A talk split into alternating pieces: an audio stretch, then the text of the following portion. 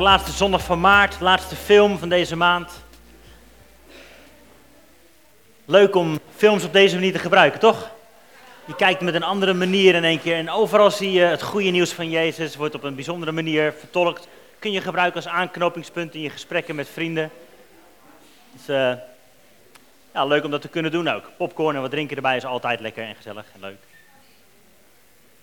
The Shack vandaag. Wie heeft hem wel eens gezien? Ja, en toch ben je gekomen. Mooi. Vanavond draaien we dus nog een keer 7 uur. De film duurt ongeveer 2 uur. We draaien hem dan. En daarna hebben we nog een uur om daarover door te praten, na te denken, door te bidden enzovoort. Als je mensen mee wilt nemen, mensen waarvan je denkt, oh, maar die moeten hem ook zien. Ja, super tof. 7 uur in Connect Home. Ben je van harte welkom. Neem je eigen koffie en thee mee. Een paar dingetjes voordat we de eerste clip induiken. Deze film is gebaseerd op een boek. Het is geen waar gebeurd verhaal. En toch ook weer wel. Het is een roman natuurlijk. Geschreven door Paul Young. En dat is een kerel die door diepe dalen is gegaan. Enorme dingen heeft meegemaakt in zijn leven. Echt diep is gegaan. Verschrikkelijke dingen heeft meegemaakt. Maar dat, dat samen met God heeft verwerkt. En uiteindelijk heeft dat zijn weg gevonden in een boek. Hij wilde een soort van cadeau schrijven aan zijn kinderen.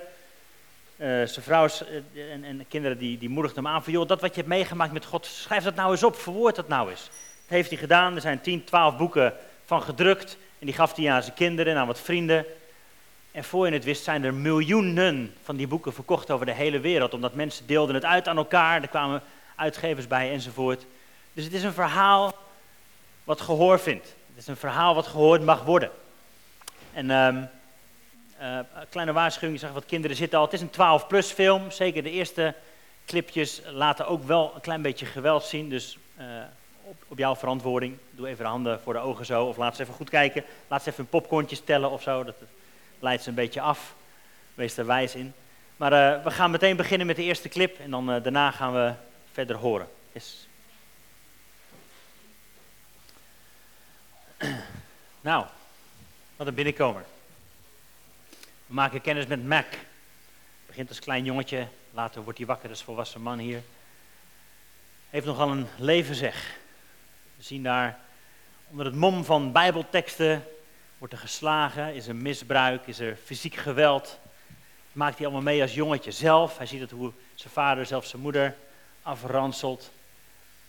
En dan zie je dat zinnetje er staan. Pijn heeft een manier om ons van binnen aan te tasten, kapot te maken en dat laat ons rare dingen doen. En dat gebeurt bij Mac ook. Hij, dat zie je uiteindelijk gebeuren dat hij wat gif door het drinken van zijn vader doet. Hij, hij vermoordt zijn vader. Dus er is enorme pijn, angst, schaamte en schuld die hem van binnen helemaal opvreet. En later als volwassen man zie je, hij droomt er nog steeds van. Het vreet hem op van binnen. Een man met een verleden. Nou, verleden hebben we allemaal, dat mag je zelf invullen. Ik weet niet wat jij allemaal hebt meegemaakt. Misschien valt het mee, misschien denk je, oh, valt allemaal wel mee bij mij. Misschien heb je heftige dingen meegemaakt is er wat herkenning hier. Pijn, laat ons rare dingen doen. Dat zien we ook bij Mac gebeuren. Het heeft invloed uiteindelijk op zijn leven, op zijn relaties, op de keuzes die je maakt. Door pijn ga je mank het leven in. Jesaja 53 staat dat. Op een bijzondere manier verwoord. We zijn allemaal als schapen, dwalen we af. Dat is hoe de Bijbel jou en mij beschrijft. Dat is wat we zien gebeuren in het leven van Mek. Als schapen kiezen we onze eigen weg. We proberen te overleven, te leven. We maken keuzes, maar als schapen dwalen we af. En dat zien we ook gebeuren in het leven van Mek. Hij sluit zich af, hij doet zijn eigen ding. Hij verbindt zich aan niets of niemand en zeker niet aan God pijn en schaamte en schuld. En soms zijn het emoties die je zo ver mogelijk probeert weg te duwen. Hè? Kunnen we niks mee. Pijn, schuld. En soms zelfs onder het mom van bijbelteksten zeggen we, maar het is allemaal nieuw in mij. Ik heb mijn hart aan Jezus gegeven, het is nu allemaal nieuw. Maar soms zijn zulke emoties ook een soort van goede indicatie dat er iets nog gebeuren moet aan de binnenkant. God is nog niet klaar. God wil dingen naar boven brengen om ons te gaan genezen. Dat zien we ook gebeuren in dit boek, in deze film. Het, het is nog niet klaar met Mac. De ellende gaat door. Het wordt misschien nog wel erger. Hij uh, is getrouwd, je ziet hem in zijn bed liggen hier met zijn vrouw. Hij is getrouwd, heeft kinderen, een zoon, twee dochters. En op een dag neemt hij zijn zoon en twee dochters mee voor een korte trip. Ze gaan kamperen, mooi meertje, heerlijk weer, tentje erbij, ze gaan erop uit. Maar dat weekend gebeurt er iets verschrikkelijks. Zijn dochter wordt ontvoerd en vermoord en nooit meer teruggevonden. Zijn jongste dochter, Missy. Wat een afgrijzelijk iets om mee te maken. En dat is ook het, het mooie en het nare aan deze film tegelijk. Het gaat over echte dingen. Natuurlijk is het een film die gaat over God, dat zullen we straks gaan zien. Maar het gaat over het echte leven vol pijn en verdriet. En soms is dat moeilijk om in ons hoofd met elkaar te rijmen. Maar het is er echt. dat hoeven we niet onder het kleed te stoppen, net te doen alsof het er allemaal niet is. We mogen echt onder ogen zien en mee aan de gang gaan. Zijn dochtertje wordt dus vermist en vermoord. En dat vreet hem helemaal op van binnen. Hij, hij, hij denkt zelfs, God, is dit dan mijn straf voor wat ik ooit heb gedaan tegen mijn vader? Ken je dat? Dat je op zo'n manier naar God gaat kijken. Is dat dan mijn straf voor wat ik heb gedaan? Bent u zo'n God? Lekker dan. En als op een gegeven moment zijn vrouw een weekendje weg is met, met de andere kinderen en hij is alleen thuis en het sneeuwt en hij kan de deur niet uit, dan vindt hij een brief in zijn brievenbus. Nergens voetstappen in de sneeuw te vinden. Iemand heeft op een bijzondere manier die brief in zijn brievenbus gedaan. En er staat op, Mac, het is te lang geleden dat we elkaar gezien hebben. Dit weekend ben ik in The Shack. Dat is een Engels woord voor de hut. En als hij dat woordje The Shack ziet, weet hij meteen waar het over gaat. En dat is de plek waar zijn dochtertje vermist werd. En de brief wordt ondertekend door papa. Papa is het, het koosnaampje wat zijn vrouw altijd gebruikt voor God. En door die brief raakt hij helemaal van streek. Wat is dit voor zieke grap, denkt hij. Iemand weet wat er gebeurd is en die haalt deze streek met me uit.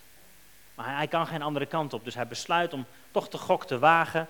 En Mac gaat in het weekend met zijn auto alleen erop uit naar de shack, naar de hut. En dan vindt er een bijzondere ontmoeting plaats. Hij ontmoet papa. Dat gaan we zien in het volgende clipje. Lukt dat? Even ogen dicht, want die komt straks pas, hè? Even, dankjewel. Mac maakt kennis met papa. papa blijkt een donkere vrouw te zijn. Toen ik dat boek las, toen werd mijn theologie even door de war geschopt. Wat? Ja, ik ken wel wat Mac zei. Ja, ik dacht dat u een witte baard had. Ken je dat, dat je zo'n beeld van God hebt? Oude man, lange witte baard, bliksemschichten, boze ogen. Vanuit de hemel kijkt hij op ons neer. Hier staat in één keer een donkere vrouw, Afrikaanse vrouw, lekker brood te kneden in de keuken. Ik heb een paar quotes opgeschreven uit dit stukje. Am I dead? ben ik dood? vraagt hij. Voel je je dood? Nou. Maar het raakt wel aan iets wat ik wel herken. En jij misschien ook wel eens, dat we later in de hemel zal het allemaal goed komen.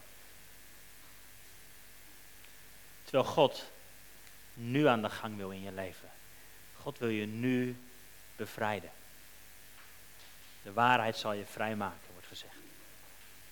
God wil nu bij jou binnenkomen en samen aan de gang gaan. Het leven kost tijd en een heleboel relaties, wordt er gezegd. En soms kunnen we dingen bagatelliseren, net doen alsof het niet is. En later in de hemel zal het allemaal wel goed komen. Terwijl God nu op je deur aan het kloppen is. En misschien wel op hele onverwachte manieren jou wil genezen, binnen wil komen, je aan wil raken. God zoekt je op. Op een manier die je misschien niet verwacht. En als hij dat zegt, hè, ik dacht dat je een, eh, een man met een witte baard was, dan zegt ze, ik, ik, ik dacht niet dat je op dit moment een vader aan zou kunnen. God kent je verleden. God kent het verleden van deze Mac. Hij weet wat verbeeld hij heeft bij God als vader. En het allerlaatste wat hij nodig heeft, is zo'n soort vader. God weet wat je hebt meegemaakt. En hij weet waar je nu bent. Hij weet wat je nu nodig hebt om stappen te kunnen maken. Ook mooi om op zo'n manier naar anderen te kunnen kijken, toch? Soms hebben wij verwachtingen van mensen. Ja, maar je zou, dat, je zou dit en dat nu al lang moeten kunnen, of al lang moeten doen, of je zou daarmee gestopt moeten zijn. Terwijl God weet wat je nu nodig hebt en weet wat jouw volgende stap nu is. In het geval van Mac was dit ontmoeting met papa die niet op een man lijkt. Waarom heb je me hier mee naartoe genomen, vraagt Mac. In deze hut, in deze shack, hier waar alle ellende samenkwam. Het antwoord van God is omdat je hier vastliep. Misschien herken je dat wel als je een pittige tijd hebt gehad, dat je weet, ja, maar ik, ik moet het weer onder ogen leren komen. God neemt je terug naar die plek waar het het meest pijn deed. Is dat makkelijk? Nee. Het is wel nodig. Dit is waar je vastliep. En hier wordt hij weer uitgenodigd, die plek waar het het meest pijn doet. En dan zegt God ook nog het volgende. Ik ben niet wie jij denkt dat ik ben. Want als je alleen maar je pijn ziet, dan raak je het zicht op mij kwijt. Als je alleen maar je pijn ziet, dan raak je het zicht op mij kwijt. Soms is ons blik op God, onze, onze, de manier waarop wij God zien, is vertroebeld door alles wat we meegemaakt hebben. we vullen een plaatje in van God zal wel ongeveer zus of zo zijn. Terwijl als je alleen maar je pijn ziet, kun je niet meer zien wie God is. Dat mogen we leren als we in relatie met Hem komen. Wat ik ook een mooie vond is, you misunderstand the mystery. Dat zegt God hier als hij zijn of haar polsen laat zien. Mac denkt, ja maar je, je, hebt, je, je hebt Jezus ook alleen gelaten. Je hebt mijn dochter alleen gelaten, je hebt mij alleen gelaten. En je zegt dat je van ons houdt, maar je laat ons allemaal alleen. Staat zelfs in de Bijbel. Mijn God, waarom hebt u mij verlaten? Dat zegt Jezus toch aan het kruis. In dezelfde psalm, een paar versen verderop. Want Jezus quote hier psalm 2. Of een andere psalm, sorry. Ik ben even, uh, dankjewel, 22 dezelfde psalm, een paar versen verderop, zegt, zegt de psalmist: Ik weet dat u me eigenlijk nooit verlaten hebt. Ik weet dat u altijd bij me was. Maar soms is dat het beeld van wat we hebben. God, als het er echt toe doet, dan bent u in één keer afwezig. U bent toch almachtig? U kunt toch alles? Waarom laat u dat dan toe? En God zegt, maar je, je begrijpt het verkeerd. You misunderstand the mystery. Je ziet het mysterie verkeerd. God was er altijd bij. God was erbij bij Jezus. Als je je de vraag stelt, waar was God op Goede Vrijdag? Dan is het antwoord, hij was daar aan het kruis. Waar was God midden in jouw pijn, in jouw gebrokenheid en dat wat anderen jou hebben aangedaan? Het antwoord is, God is daar aan het kruis. En hij leidt mee. Hij kent onze pijn, onze gebrokenheid. Jezus rent niet weg van onze gebrokenheid. Hij komt er middenin. Hij liet het ons onder ogen zien. En hij gaat met ons aan de gang. Hij is erop uit om ons hier en nu, vandaag, vrij te maken. We hoeven niet te wachten tot later in de hemel. Hij komt juist nu. Hij nodigt jou en mij uit om te komen. We zagen net al een klein stukje. Verderop in de film leert Mac ook Jezus kennen en de Heilige Geest kennen, ook op een bijzondere manier uitgebeeld. Maar verderop in de film gaat Mac aan de gang met, met dat waar het eigenlijk bij hem om draait. En dat is, dat is oordelen. En ze brengen hem bij wijsheid. Om daarmee aan de gang te gaan. Dat gaan we zien in het volgende stukje.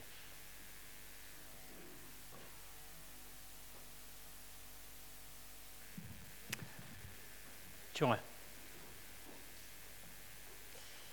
Oordelen. Je zag helemaal in het begin van film hoe Mac geslagen werd door zijn vader.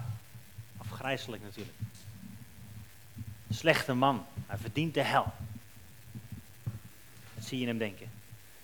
En dan in dat filmpje daar in die grot zie je een ander jongetje wat geslagen wordt, misbruikt wordt. En dan komt Mac erachter dat dat zijn vader was als klein jongetje. Wat heeft die allemaal meegemaakt? En wat heeft zijn vader misschien allemaal meegemaakt? Generatie op generatie wordt pijn vaak doorgegeven.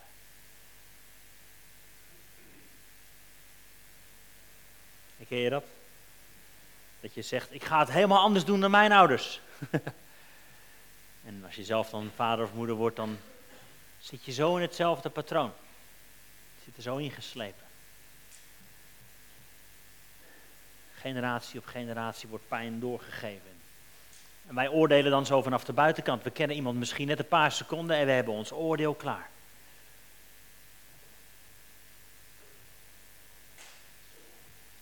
En dan wordt deze Mac voor de onmogelijke keus gesteld. Kies één van je kinderen. Eén gaat naar de hemel, één gaat naar de hel. Jij gelooft dat God, dat God zo denkt? Doe je ding. Kiezen. En dan zie je dat Mac verscheurd wordt. En hij kan niet kiezen natuurlijk. En hij zegt, stuur mij dan maar. En dan dat mooie zinnetje. Jouw oordeel is dat je kinderen je liefde waard zijn. Wauw.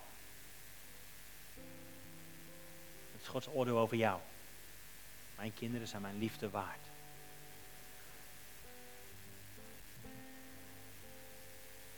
Moeilijk om te bevatten misschien. Maar hoe we God kennen, zo oordelen we over andere mensen. Toch?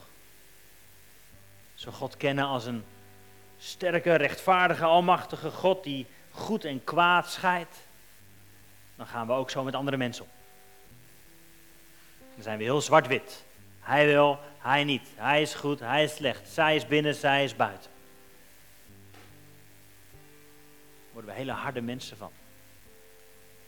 Als we leren kijken door de ogen van God, als papa, als liefhebbende vader. Als degene die zegt, laat mij dan maar gaan. Ik neem de straf op. Nee, ik, betaal de prijs zelf. Wauw.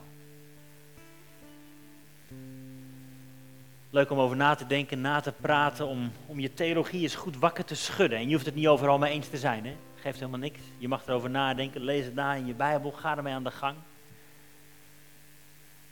Maar zou het niet heerlijk zijn als we gaan ontdekken dat God echt goed is? God is goed. Altijd al geweest. Ook hier en nu, ook in jouw situatie. Ook naar de mensen waarvan jij denkt, die verdienen het niet. God is nog steeds goed.